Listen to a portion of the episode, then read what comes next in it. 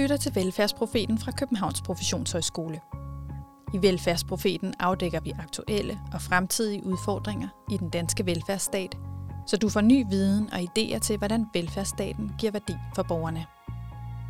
Bag mikrofonen finder du Maja Huk og Lotte Andersen. Tidligere talte man om en ældre byrde. Nu taler vi om det grå guld. Uanset hvad vi kalder dem, er én ting sikker. Befolkningen bliver ældre, og der kommer flere ældre de næste år.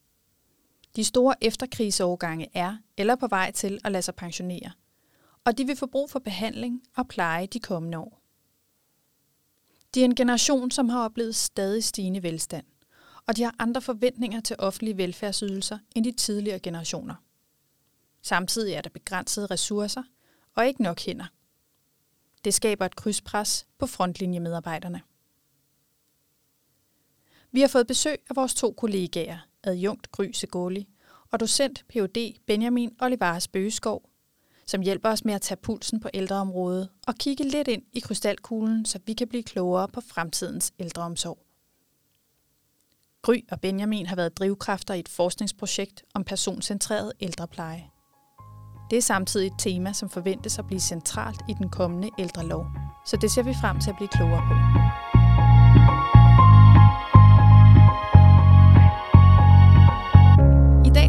Om udviklingen på ældreområdet. Vi skal tale om personcentreret omsorg, om samskabelse, faglighed og tværfaglighed. Og vi skal også høre om en model, der forsøger at imødekomme behovet for personcentreret omsorg for de samme ressourcer. Men lad os starte med den personcentrerede omsorg.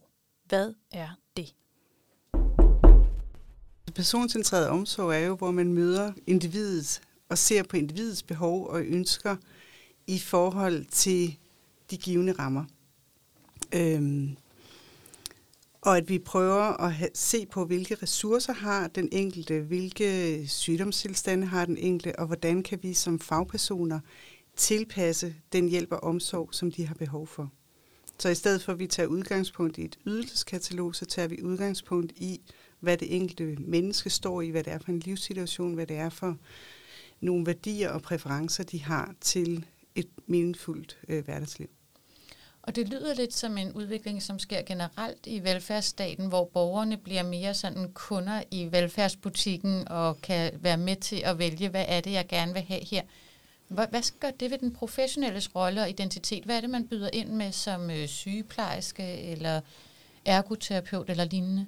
Jamen, jeg synes, det er vigtigt at snakke om, at det ikke er kunder i velfærdsbutikken, at det faktisk tværtimod bliver en mere ligestillet øh, samskabende proces, hvor at den enkelte også har ressourcer at byde ind med, så det ikke bliver det her med, at man kommer og spørger, hvad kan jeg hjælpe dig med, og så følger man ellers en liste, man får dikteret. Men det bliver, hvordan kan vi løse de problemer og udfordringer, du har sammen. Så selve mødet starter et andet sted. Og det kræver en anden måde at arbejde på, når vi er ude øh, hos borgerne. Det kræver, at vi faktisk bruger noget mere tid på at skabe en relation og få opbygget øh, et kendskab til borgeren, og at vi også får organiseret øh, teamet omkring borgerne, så det bliver nogle øh, mennesker, der kender den enkelte. Så vi på den måde også kan bygge videre på relationerne og på præferencerne øh, borgere og fagpersoner imellem. Personcentreret omsorg er et fagligt mindset, hvor den professionelle anerkender mennesker som unikke væsener med ret til selvbestemmelse uanset alder og funktionsniveau. På den måde besvarer den de ældres ønsker og forventninger om at fastholde et selvstændigt, værdigt og indholdsrigt liv, selvom de bliver afhængige af hjælp og støtte fra offentlige myndigheder. Men tilgangen besvarer ikke i sig selv udfordringen med det øgede ressourcepres på ældreområdet. Her har danske og udenlandske institutioner hentet inspiration fra den hollandske Byrtsok-model. Byrtsok er en hollandsk leverandør af ældrepleje, som har organiseret sig på en måde, der sætter borgeren i centrum, og som samtidig har vist sig at være meget omkostningseffektiv. Modellen er kendt for sin særlige organisering af plejen i små selvstyrende teams.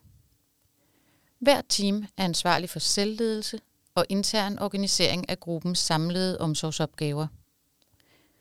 Teamet bestemmer selv, hvordan de fordeler deres arbejdstid ud på de borgere, som de har ansvar for. Og de vil karriere internt i forbindelse med sygdom og ferie. Benjamin har besøgt organisationen i Holland, og han har fulgt modellens rejse til den danske ældrepleje. Vi har bedt ham fortælle os om modellen og om de første spæde implementeringsforsøg, som har fundet sted i Danmark. Små team, maks 12 sygeplejerske eller andre professioner, øh, som tager sig af en, en lidt mindre område, og, og de leverer, øh, og de tager sig selv alle, de har ikke noget ledelse.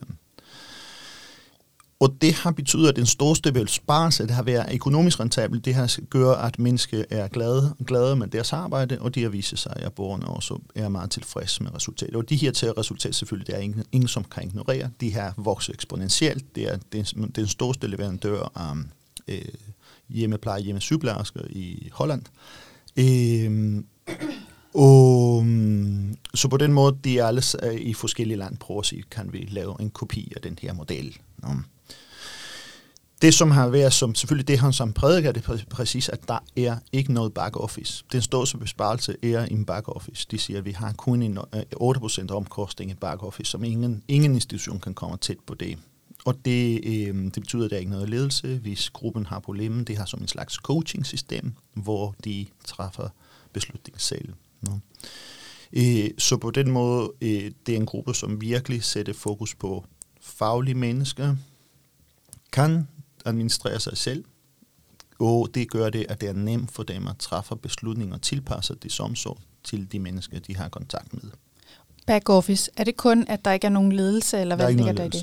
Ja. Der er ikke noget ledelse, så den, der er ikke, de, de her grupper rapporterer ikke til en, en, en, en manager eller et noget menneske, som den der ydelseskatalog, som øh, Gry navnede før, den ydelseskatalog er, fordi hver gang en person leverer noget lige nu i den danske model til en, en borger, så skal du, det skal være meget præcis, hvad det var, og det skal du have tid at signere til den der, hvor koster det, og så det bliver prædefineret af normalt en visitation, som siger, at den her borger har lov og krav til det her ydelse, og så skal vi sende. Og på den måde det gjorde så, den idé, som var bagved den der som såkaldt BUM-model, var i se, at det kan åbne til konkurrence, hvis staten kan ikke levere, det kan være en privat leverandør, som kan levere. Men derfor skal vi have en meget tydeliggøre, hvad er standard, og hvad er det, som vi leverer, så kunne du skabe konkurrence ved to sider. Men det her gør selvfølgelig tilpasningen ekstremt svært. Og det her betyder, at vi skal tælle hver eneste minut, vi er sammen, fordi det her bliver langsomt en styringsmodel til selve processen. Og det er det, så en model som Just the Block og Bjørtsok eliminerer. Så det er væk fra en model, hvor en visitationssygeplejerske sidder og beslutter, du får 15 minutter til et bad, og du får 20 ja. minutter til rengøring, og det skal foregå sådan og sådan og sådan. Totalt væk, væk fra, fra den model. Væk fra den. Fordi det, der jo er sket ved indførelsen af bommodellen, det er, at det faglige skøn forsvandt mere og mere ud af hjemmeplejen og hjemmesygeplejen, fordi medarbejderne blev styret utrolig stramt på, hvilke indsatser det var, de måtte yde ude hos borgeren. Og det, som jeg fra et fagligt synspunkt ser som det mest øh, givende i den nye model, det er, at det faglige skøn kommer tilbage. At den enkelte fagperson kan stå i mødet med borgeren og vurdere, hvad er det for et behov, det menneske, jeg står overfor, har brug for. Men det lyder jo næsten som sådan et helt mirakel. Man har fundet en model, hvor man sparer penge, de professionelle er glade, borgerne er glade, de pårørende. Man kan godt forstå, at øh, ledere rundt om i Europa tænkte, det skal vi da bare importere. Men I har jo prøvet at kigge på, hvordan har det været, når man skulle importere, eller hvad hedder det, mm. importere eller implementere den her model i Danmark. Og også i England har der været ja. sådan blandede erfaringer. Kunne I fortælle lidt om, hvad er det, der har virket, og hvad har været vanskeligt i implementeringen? Skal jeg sige noget, Gry? Ja, fint. Jeg siger noget. Øhm, så erfaringen af resten af verden generelt har været, at det er ekstremt svært at importere det. Som e- England har prøvet, og mange steder har prøvet, og mange steder er i gang til at prøve det. Australien, Frankrig, og det litteratur, som du kan finde lige nu, at det har været beklageligvis meget svært at flytte en til en. Det, øhm, det har været en kommune i Danmark, i Gasbrander, som har prøvet Øh, med en model til at lave det som en privat leverandør. Øhm, og hvis jeg laver meget kort opsummering af det, som du kan finde omkring den der, er, at det var tilfredshed blandt øh, borgerne. Medarbejde synes, det var, det var for meget arbejde selvfølgelig, men det var en form for glæde om, så noget af det fælles punkter, det var der, men det kunne ikke blive økonomisk rentabelt. Kan vi have en slags byrådsmodel i Danmark, hvor stadigvæk har en boom-agtig proces. Og spørgsmålet er, har vi lyst til at have en byrådsmodel? Og så kommer den punkt, hvad er det, vi forstår, det er det kerneelement i en byrådsmodel. Og spørgsmålet er, kan vi vælge nogen af dem, eller skal vi købe hele pakken? Mm. Og her kan man blive næsten lidt ideologisk, fordi du kan have den far, som er lige nu, at menneske, som siger, vi prøver, men det ikke fungerer. Du kan altid begynde at tænke, det fungerer det, fordi det var ikke byrådsok nok. Mm. No. Og andre vil sige, nej, det fungerer det ikke, fordi det fungerer det ikke. Så, så jeg tror, det kommer noget med en slags ideologisk kamp, fordi du kan altid referere det, som sker i Holland. I Holland fungerer det, for det skulle fungere her, men mindre vi virkelig gør det, som de gør det. Men i, i Danmark, den generelle tendens er, man er meget glad for teamstruktur, man er ikke så glad for selv, selvstyrende model. Det er det, hvis jeg opsummerer meget kort. Mm. Og der er en par andre elementer i byrådsok, som er meget vigtige, når du er der, som du kan ikke se dem udtale fra ingen som helst, som er, de kalder det onion-model eller løg-model, hvor mm. i realitet de også tænker omsorg og pleje som noget, som er, som virkelig skal involvere borgens eksisterende netværk og deres egne ressourcer. Den her er også en polemisk punkt i den danske model, fordi du synes, jo mere du bruger pårørende, og der, der næsten er vi i gang til at aflaste øh, øh, sundhedsvæsen, så, så pårørende og tarter er det, som teknisk set skulle være vores arbejde. Men burde så arbejde meget bevidst til en øh, empowerment, der borgeren skal være i stand til at gøre det selv. Og selv betyder ikke kun alene selv, men naboer skal inkludere. Så du skal finde en løsning, som inkluderer civilsamfund.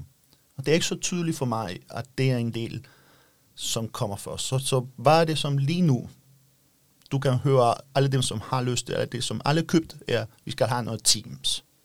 Hvor selvstændige, hvor meget øh, øh, samfunds- eller civilsamfundsstykker er, det er det to punkter, som er ikke tydelige i den tendens, som jeg kan se lige nu fra de forskellige initiativer, som jeg har været i stand til at observere.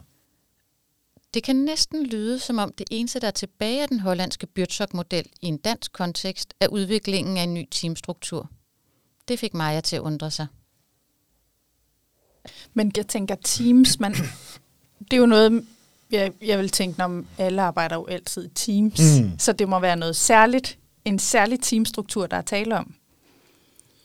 Yeah. Altså dels er det størrelsen på teamsene, vi er jo primært ude i, i hjemmepleje, hjemmesygeplejegrupper, hvor man de seneste øh, årtier har været organiseret nogle relativt store teams, 20-30 medarbejdere med 50-70 borgere, så prøver man nu at nedskalere, så man laver teams i teamsene med idealstørrelsen er omkring 12 medarbejdere omkring øh, et, en mindre gruppe borgere sådan at borgerne oplever at have den her kontinuerlige kontakt af medarbejderne, og medarbejdernes relationer bliver tættere. Så der er noget viden, som selvfølgelig skal dokumenteres i dokumentationssystemer, men der er også noget viden, som bliver en viden i gruppen, som de ved, fordi de kommer hos borgerne, som de ikke behøver at huske at overlevere, fordi det er en, en gængs viden i, i gruppen. Og et af de øh, kommuner, vi er ude hos, øh, i talesætter, at de oplever, at de har fået en organiseret fleksibilitet. Hvor før så har de på kryds og tværs alligevel fået tingene til at glide, men det har været sådan lidt i det skjulte. Det er noget, de har gjort, fordi det, det gav mening, men det er ikke noget, de har gjort i fællesskab. Og i den nye model, hvor de arbejder med, I er et team omkring borgerne, I har en højere grad af selvstyring, højere grad af selvstændighed, der er det blevet legitimt, og det er blevet en forventning, og det er blevet noget, de gør som, som fællesskab, at vi prøver at få opgaverne til at glide lettere. Vi tager udgangspunkt i, hvad er det for nogle behov, borgeren har, hvad er det for nogle ting, der dukker op i dagligdagen, fordi der kommer jo sygdom og vikardækning og borgere, der pludselig bliver indlagt eller udskrevet. Så selvom man prøver at, at planlægge fra starten, så ved vi, at dagen den ændrer sig i løbet af dagen. Og det har de fået en større frihed og en større legitimitet til at gøre. Så kan du komme med et par konkrete eksempler på organiseret fleksibilitet? Hvis borgeren øh, plejer at få bad hver tirsdag og fredag, så kan vi bedre justere og være fleksible ud fra, jamen har borgeren sovet dårligt i nat? Hvis det er en kol borger, det kræver utrolig mange ressourcer at tage et bad. Så hvis borgerens funktionsniveau ikke er til at tage bad tirsdag, så kan man være fleksibel og sige, så tager vi det i morgen, hvor du forhåbentlig har sovet bedre. Så kan vi enten bruge tiden på noget andet i dag, eller jeg kan komme og være lidt kortere hos dig i dag tirsdag, bruge noget længere tid hos en anden borger, og i morgen, onsdag, hvor du har sovet bedre og har flere ressourcer, så kan vi lægge tiden til at, at tage badet. Så vi ser mennesket først. Så i stedet for, at vi ser på, at jeg kommer for at vaske op, så kommer jeg for at se det menneske, der står over for mig. Og så finder vi ud af i fællesskab, hvad er det så, der fylder i dag. Og medarbejderne beskriver, jamen de har stadigvæk nogle pakker. Det er jo ikke sådan, at øh, der ikke er kvalitetsstandarder i kommunerne, eller der ikke er en forventning om et vist serviceniveau. Men der er en højere grad af frihed til i samarbejde med borgerne at finde ud af, hvad er det, du har behov for i dag. Efter Gry og Benjamin har forklaret os om grundtankerne i personcentreret omsorg, kommer Maja i tanke om, at hun faktisk selv har ydet personcentreret omsorg, da hun i sine unge år var ansat som hjemmehjælper. Da, da jeg var ung, der arbejdede jeg et år i hjemmeplejen. Øh, og da jeg ikke havde været der ret længe, så kan jeg huske, at jeg en dag var hjemme hos en, øh, en borger, som jeg egentlig skulle hjælpe med noget andet, men som havde en udfordring med, at hendes pære var gået i loftet. Det var meget udfordrende for hende. Hun kunne ikke selv løfte armen derop. Det var mørkt, og hun havde dårligt syn, så det var et stort problem for hende med den pære. Så den skiftede jeg selvfølgelig for hende. Og bagefter havde jeg så en snak med min koordinator, der udfordrede lidt på, at det var måske ikke så smart, at jeg havde skiftet den pære. Og nogle af de ting, som hun sagde, var jo, det er både en beskyttelse af dig, Maja, at du ikke øh, begynder at istandsætte hele huset og laver alt muligt, som du ikke skal, eller hele tiden skal diskutere, hvad du skal, øh, og udfordres på det, og om hvornår du skal videre. Og så er der også en beskyttelse af borgeren, som måske så ikke når at få den pleje, hun egentlig var visiteret til. Ja, det er sådan et eksempel, jeg kan sidde med i mit ja, hoved, når I fortæller, ja. hvad sker der med det, hvis man putter det ind i sådan en model her? Og, og det, som jeg kunne godt tænke til mig at, at understrege den der tanke, er det din ord beskyttelse. No. Fordi i den tankeproces, der er allerede den idé, at borgerne er noget, som vil øh, udnytte mig, når det skal beskytte mig. Hvordan kan du bygge en omsorgsfuld relation med den person, som hele tiden vil er en trussel til mig? No? Den tanke er absurd. Mm. No? Så jeg skal have en slags hvis den person siger det, ja, og du tager den kamp en gang imellem, og hvis du skal tage den for ofte, så finder du en løsning. Men selvfølgelig, hvis du bygger en ordentlig relation med mennesker, og det er sådan, vi kan også sige, fordi det er også i de her mennesker, som vi kan sige, som åben til det spørgsmål, hvad kan jeg gøre det? De også ved, at der er nogle ting, som de skal levere, du kan forhandle sig, og du kan også sige, nej, det, kan, det er lidt for meget, jeg har ikke mere tid, men der er en vis fleksibilitet, bygger på en relation med en, en reel person, jeg har, apropos din første spørgsmål, jeg har lyst til at komme en trin tilbage til at forklare den her. Apropos din første spørgsmål om personcentreret pleje og behandling.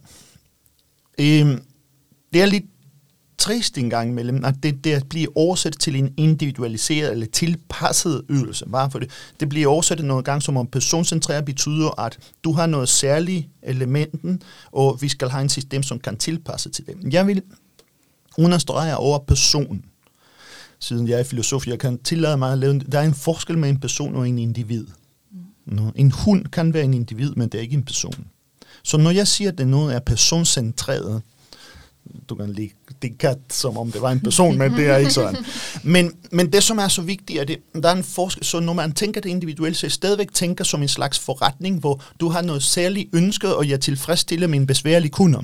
Men når vi tænker det som personcentreret, du tænker, at du skal tilfredsstille du skal inkludere i din omsorg den personlige element, at alle de mennesker, som er involveret i den relation, og når jeg siger alle de mennesker, jeg involverer også medarbejdernes egen personlighed. Fordi det medarbejder er ikke som en slags maskin, som leverer noget til, som om det eneste, som er individ og person, er borgeren, og de andre er ikke en person.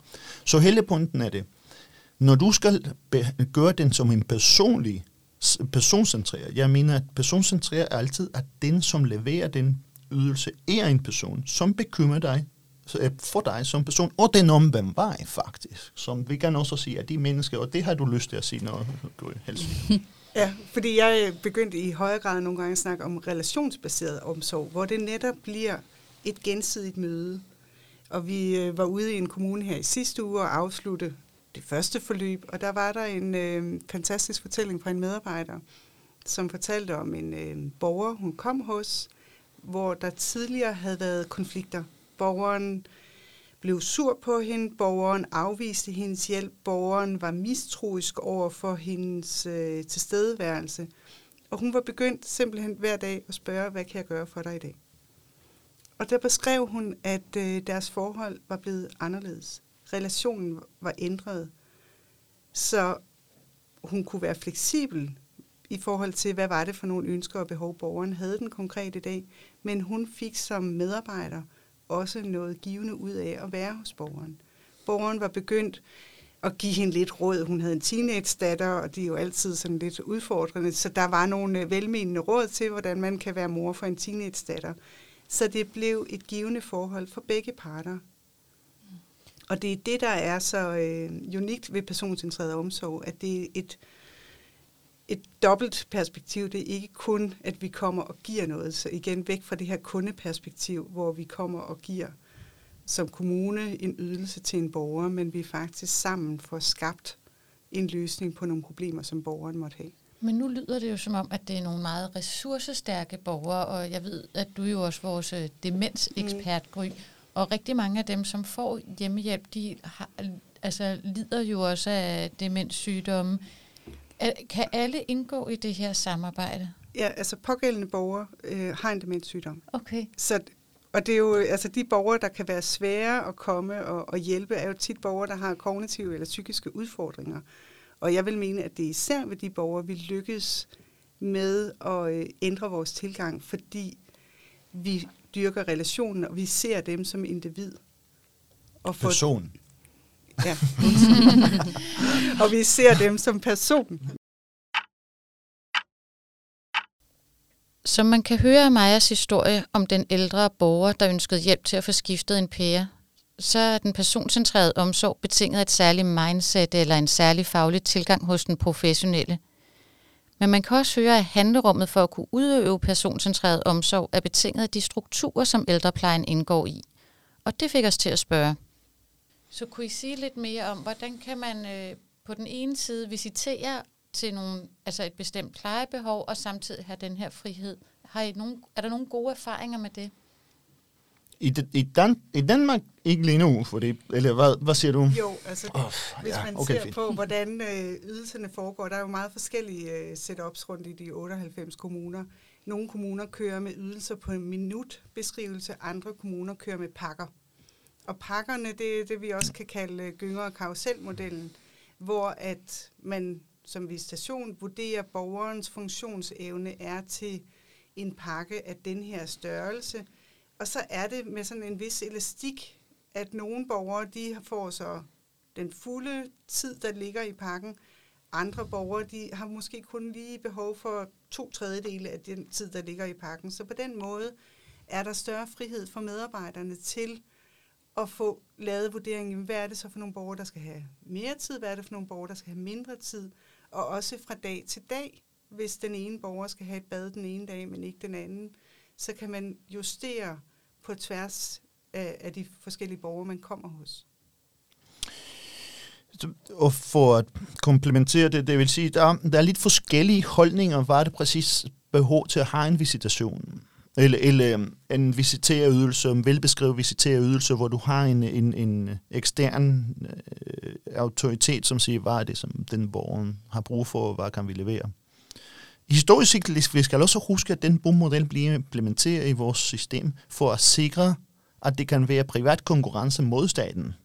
Men når jeg spørger selve visitationens øh, forståelse, hvis jeg, siger, if, hvis jeg er meget provokerende, og kan sige, at i fylde øh, burde, så man har ikke brug for en visitation. Nå, hvad er din tanke om den her? Og her kan du høre lidt en vifte af forskellige holdninger.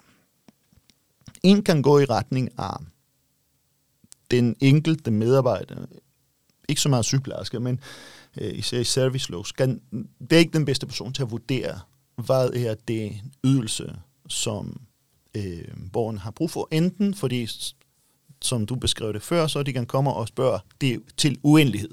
Nå, så, og du står for tæt på borgeren, så du kan ikke sige nej. Den anden faktisk øh, går sjovt nok den helt den modsatte vej. De, vores medarbejdere er alt for omkostningsbevist, og de vil faktisk skrue ned for, for, for ydelse, som borgeren har lov til at sige.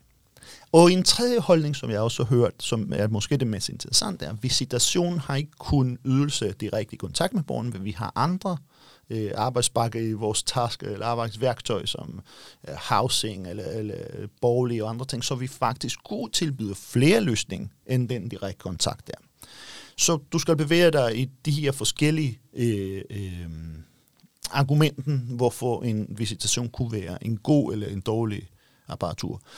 Jeg er mindre tilbøjet til at tro, at øh, medarbejderne er ikke i stand til at, øh, til at træffe de her beslutninger, især hvis der findes en god team-samarbejde. Og det er den der, hvor man tænker kun som om den individ, som står foran borgeren, uden den der team-samarbejde. Jeg tror, at når du sætter den team-samarbejde, og du kan løfte din problematik lidt over og ligne dig der, jeg tror, der er noget metode til at sige, den her er en, en, en, en, en god model.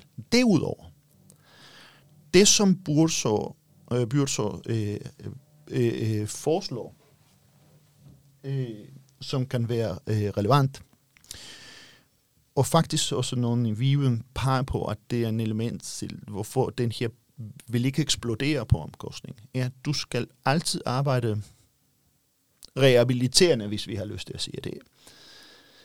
Hvis du kun tænker ydelse og service, som vi skal levere service til den person, og du skal tilfredse dine ønsker. Du vil finde, at dine ønsker er uendelige. For hvis jeg spørger, hvad ønsker du dig? Du vil altid mere, stor, no, no, hvornår stopper vi?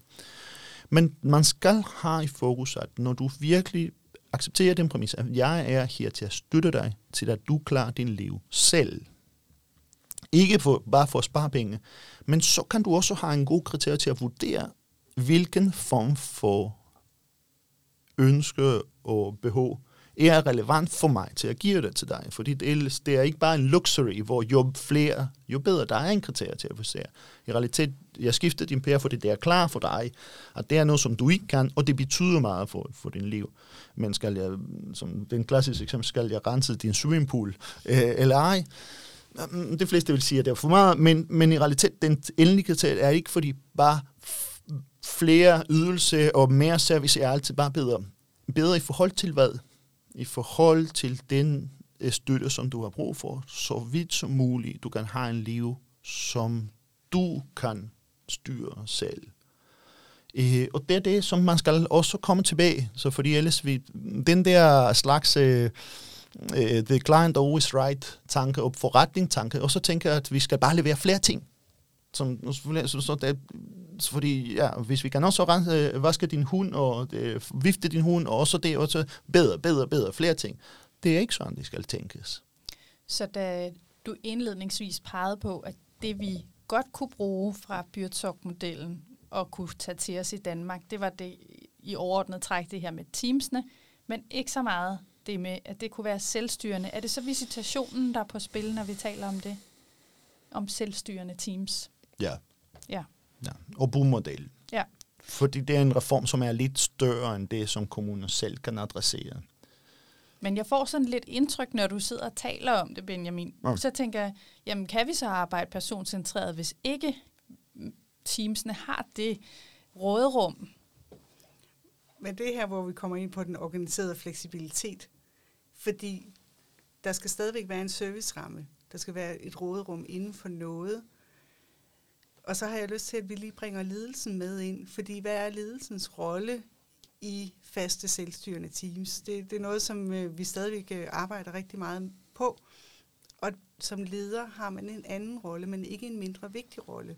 Hvor lederne før måske mere har været dem, der har sat retningen og øget en vis grad af kontrol, og medarbejderne nu lever op til de standarder, så er ledelsens rolle mere en faciliterende rolle i forhold til at understøtte medarbejderne, så medarbejderne får det råderum til at kunne gå ud og arbejde hos borgerne.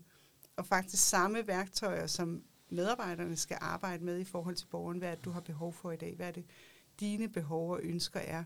Det er de samme værktøjer, lederne skal arbejde med i forhold til medarbejderne.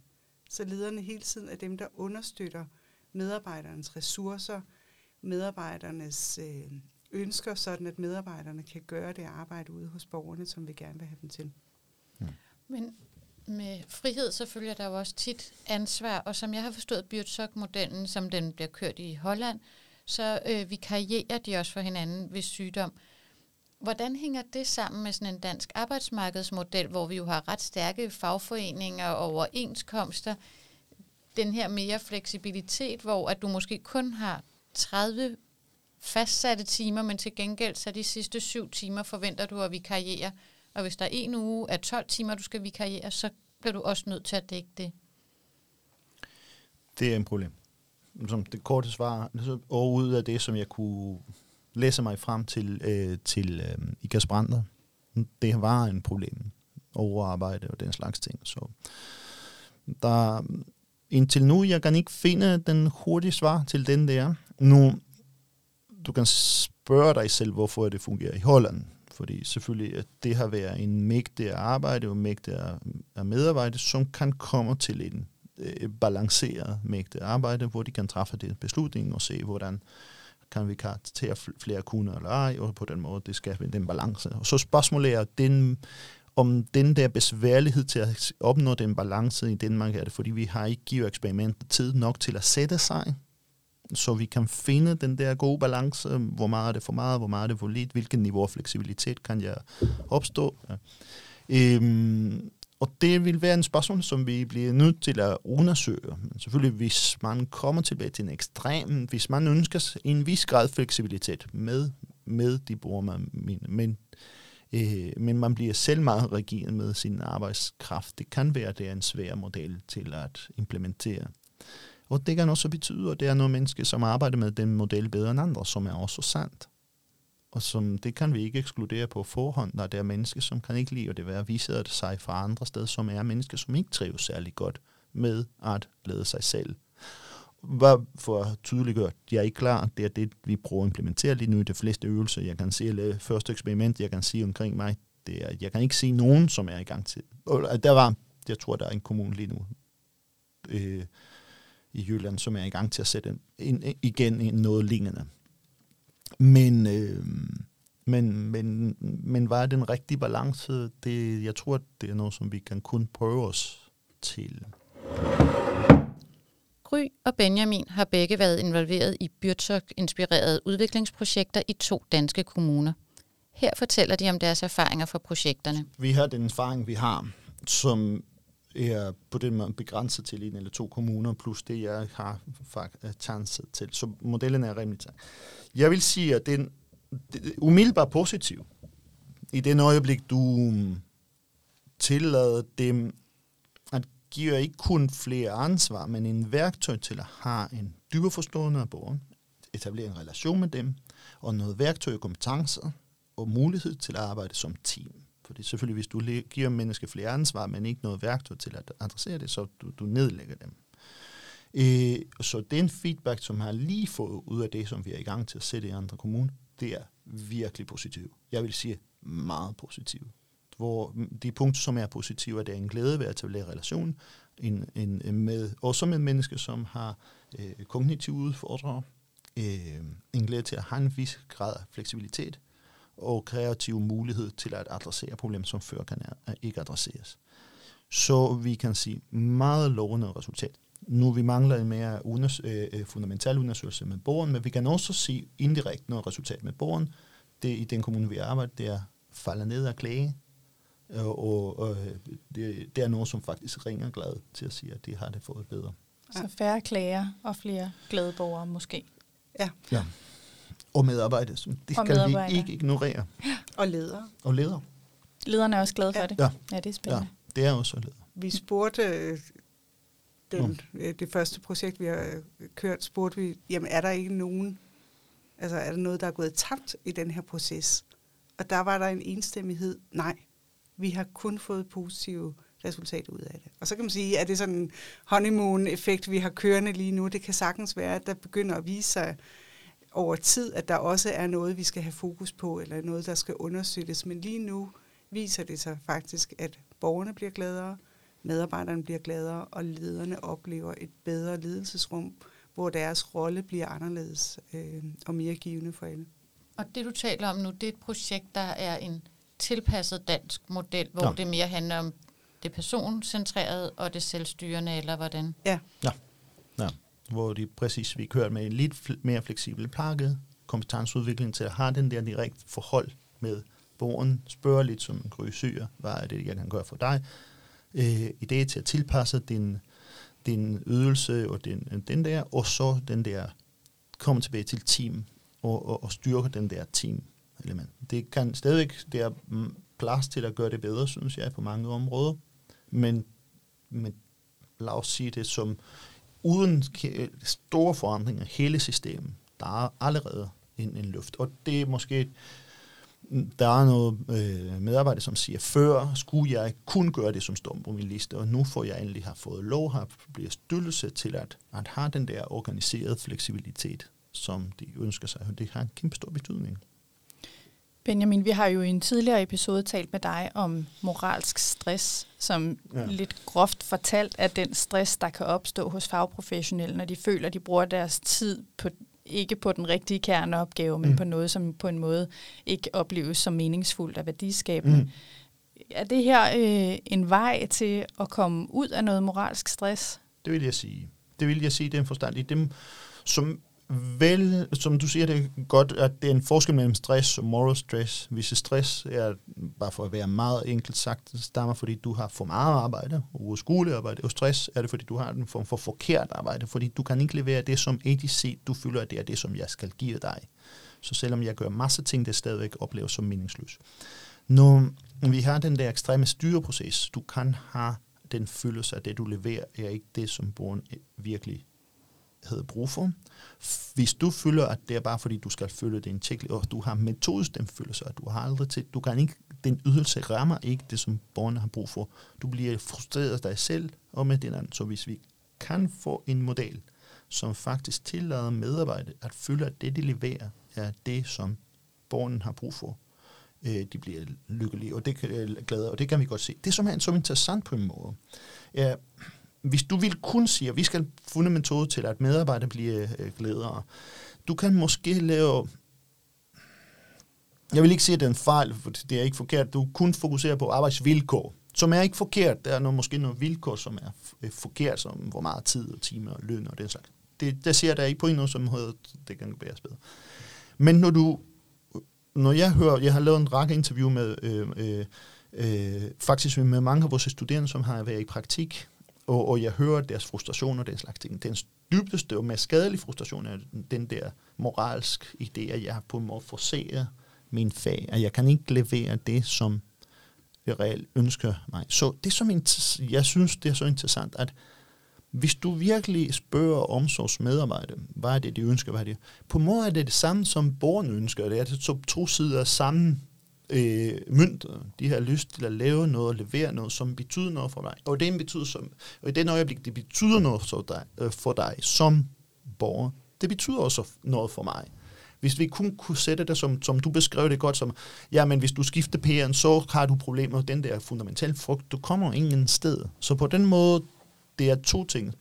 Den forhold med borgeren, men også den forhold med din medarbejder som en team til at skabe kreative løsninger. Det er også vigtigt, fordi øh, der er en indforstået præmis, som jeg synes, det er meget skadelig. Den der model, som er meget styrende, er det, som hvis hver person gør sit lille del til sammen, vil skabe helhed. Det viser sig, at det er ikke sandt. Og det er faktisk har en bivirkning, som er rimelig skadelig, at hvis ting går galt, man tror, man har en tendens til at tro, at nogen har ikke gjort sit.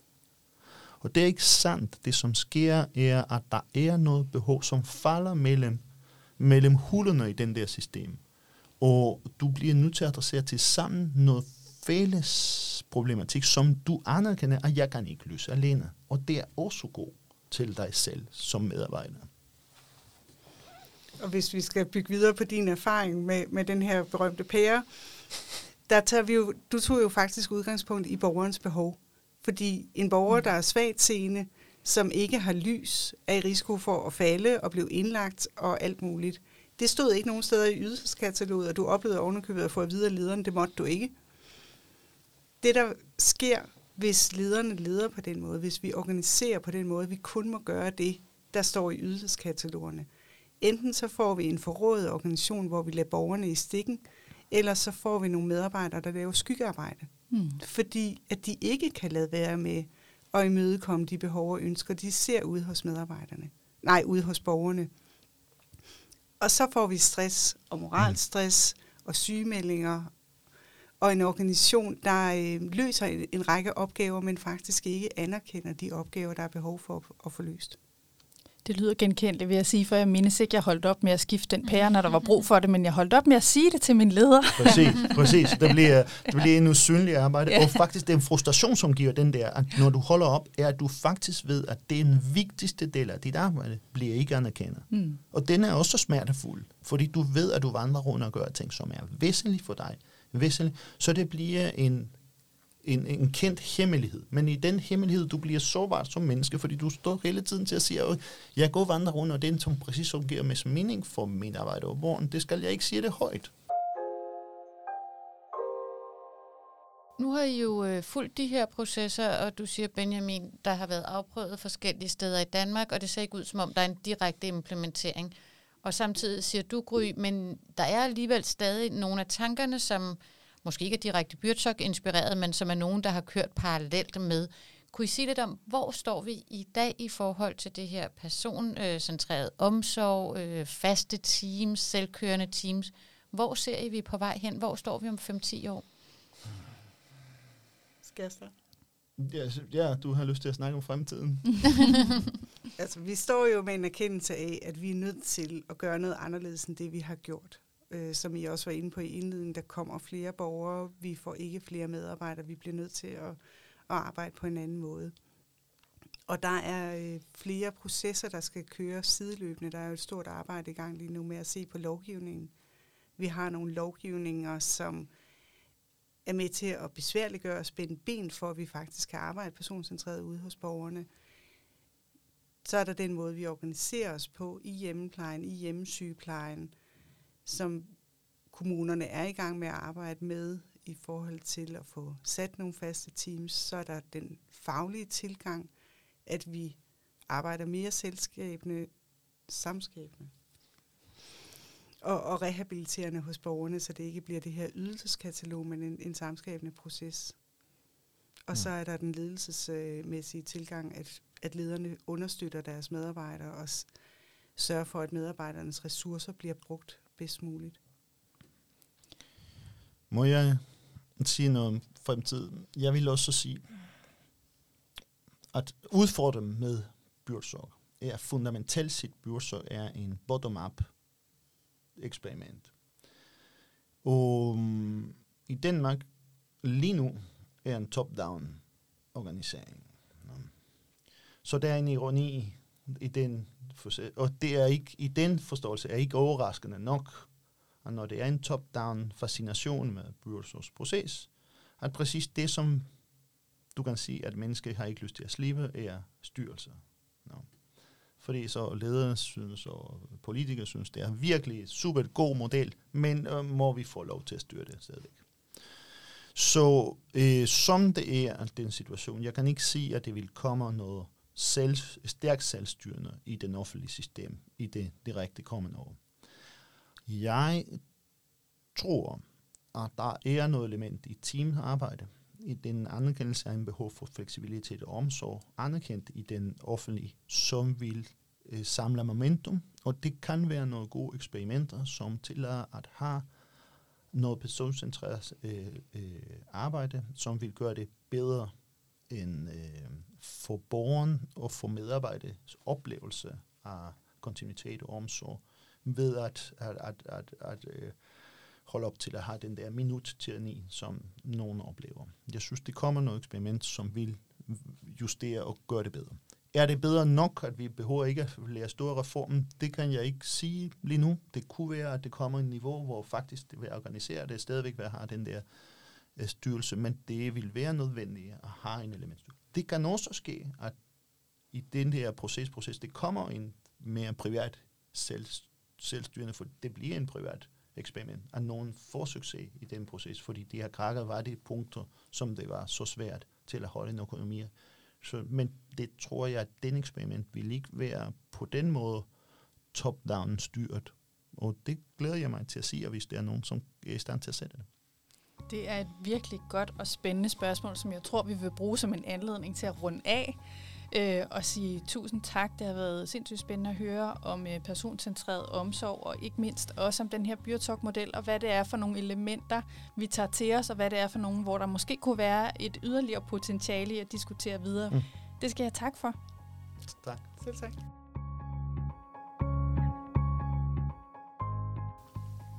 Maja, det er jo altid en fest at have besøg af Gry og Benjamin. Det må man sige. Og høre, hvad der rører sig på ældreområdet. Var der noget, du blev sådan særlig overrasket, eller kom til at tænke over, da vi havde snakket med dem?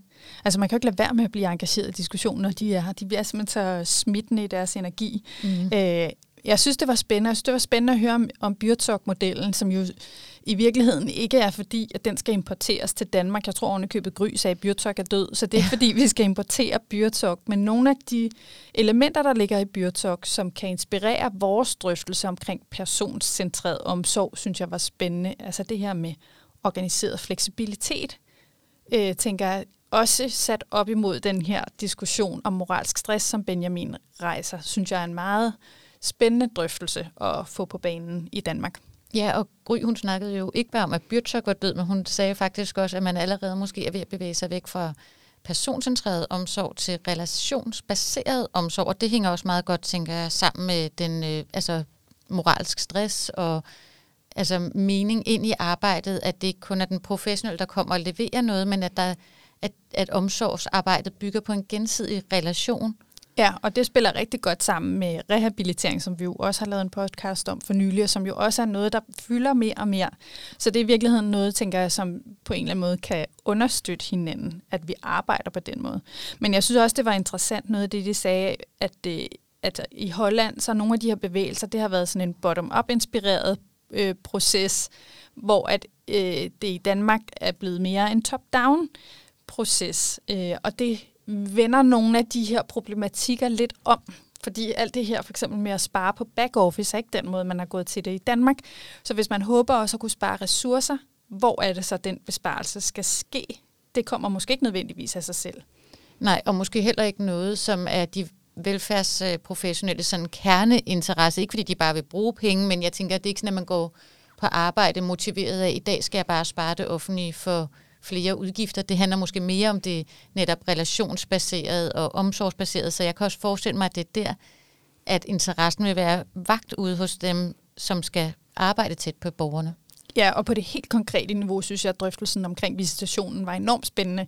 Fordi hvem er det, der bestemmer, øh, og hvor fast bestemmer man, hvad det egentlig er, der skal ske ude hos den ældre. Og der var det jo interessant at høre om det her med pakker, som, som nogle kommuner har arbejdet med i overvis, men måske godt kunne udvikles og udbredes noget mere. Kan man lave nogle pakker med noget indbygget fleksibilitet? Det tænker jeg, det må i hvert fald være noget af det, der er inden for sådan en rimelig rækkevidde øh, på ældreområdet. Ja, det lyder i hvert fald som om, at både Gry og Benjamin og andre forskere, selvom det kun er sådan den allerspædeste start af at implementere den her nye tilgang, at så er der allerede mange erfaringer og høste, som man kan bygge videre på. Helt klart.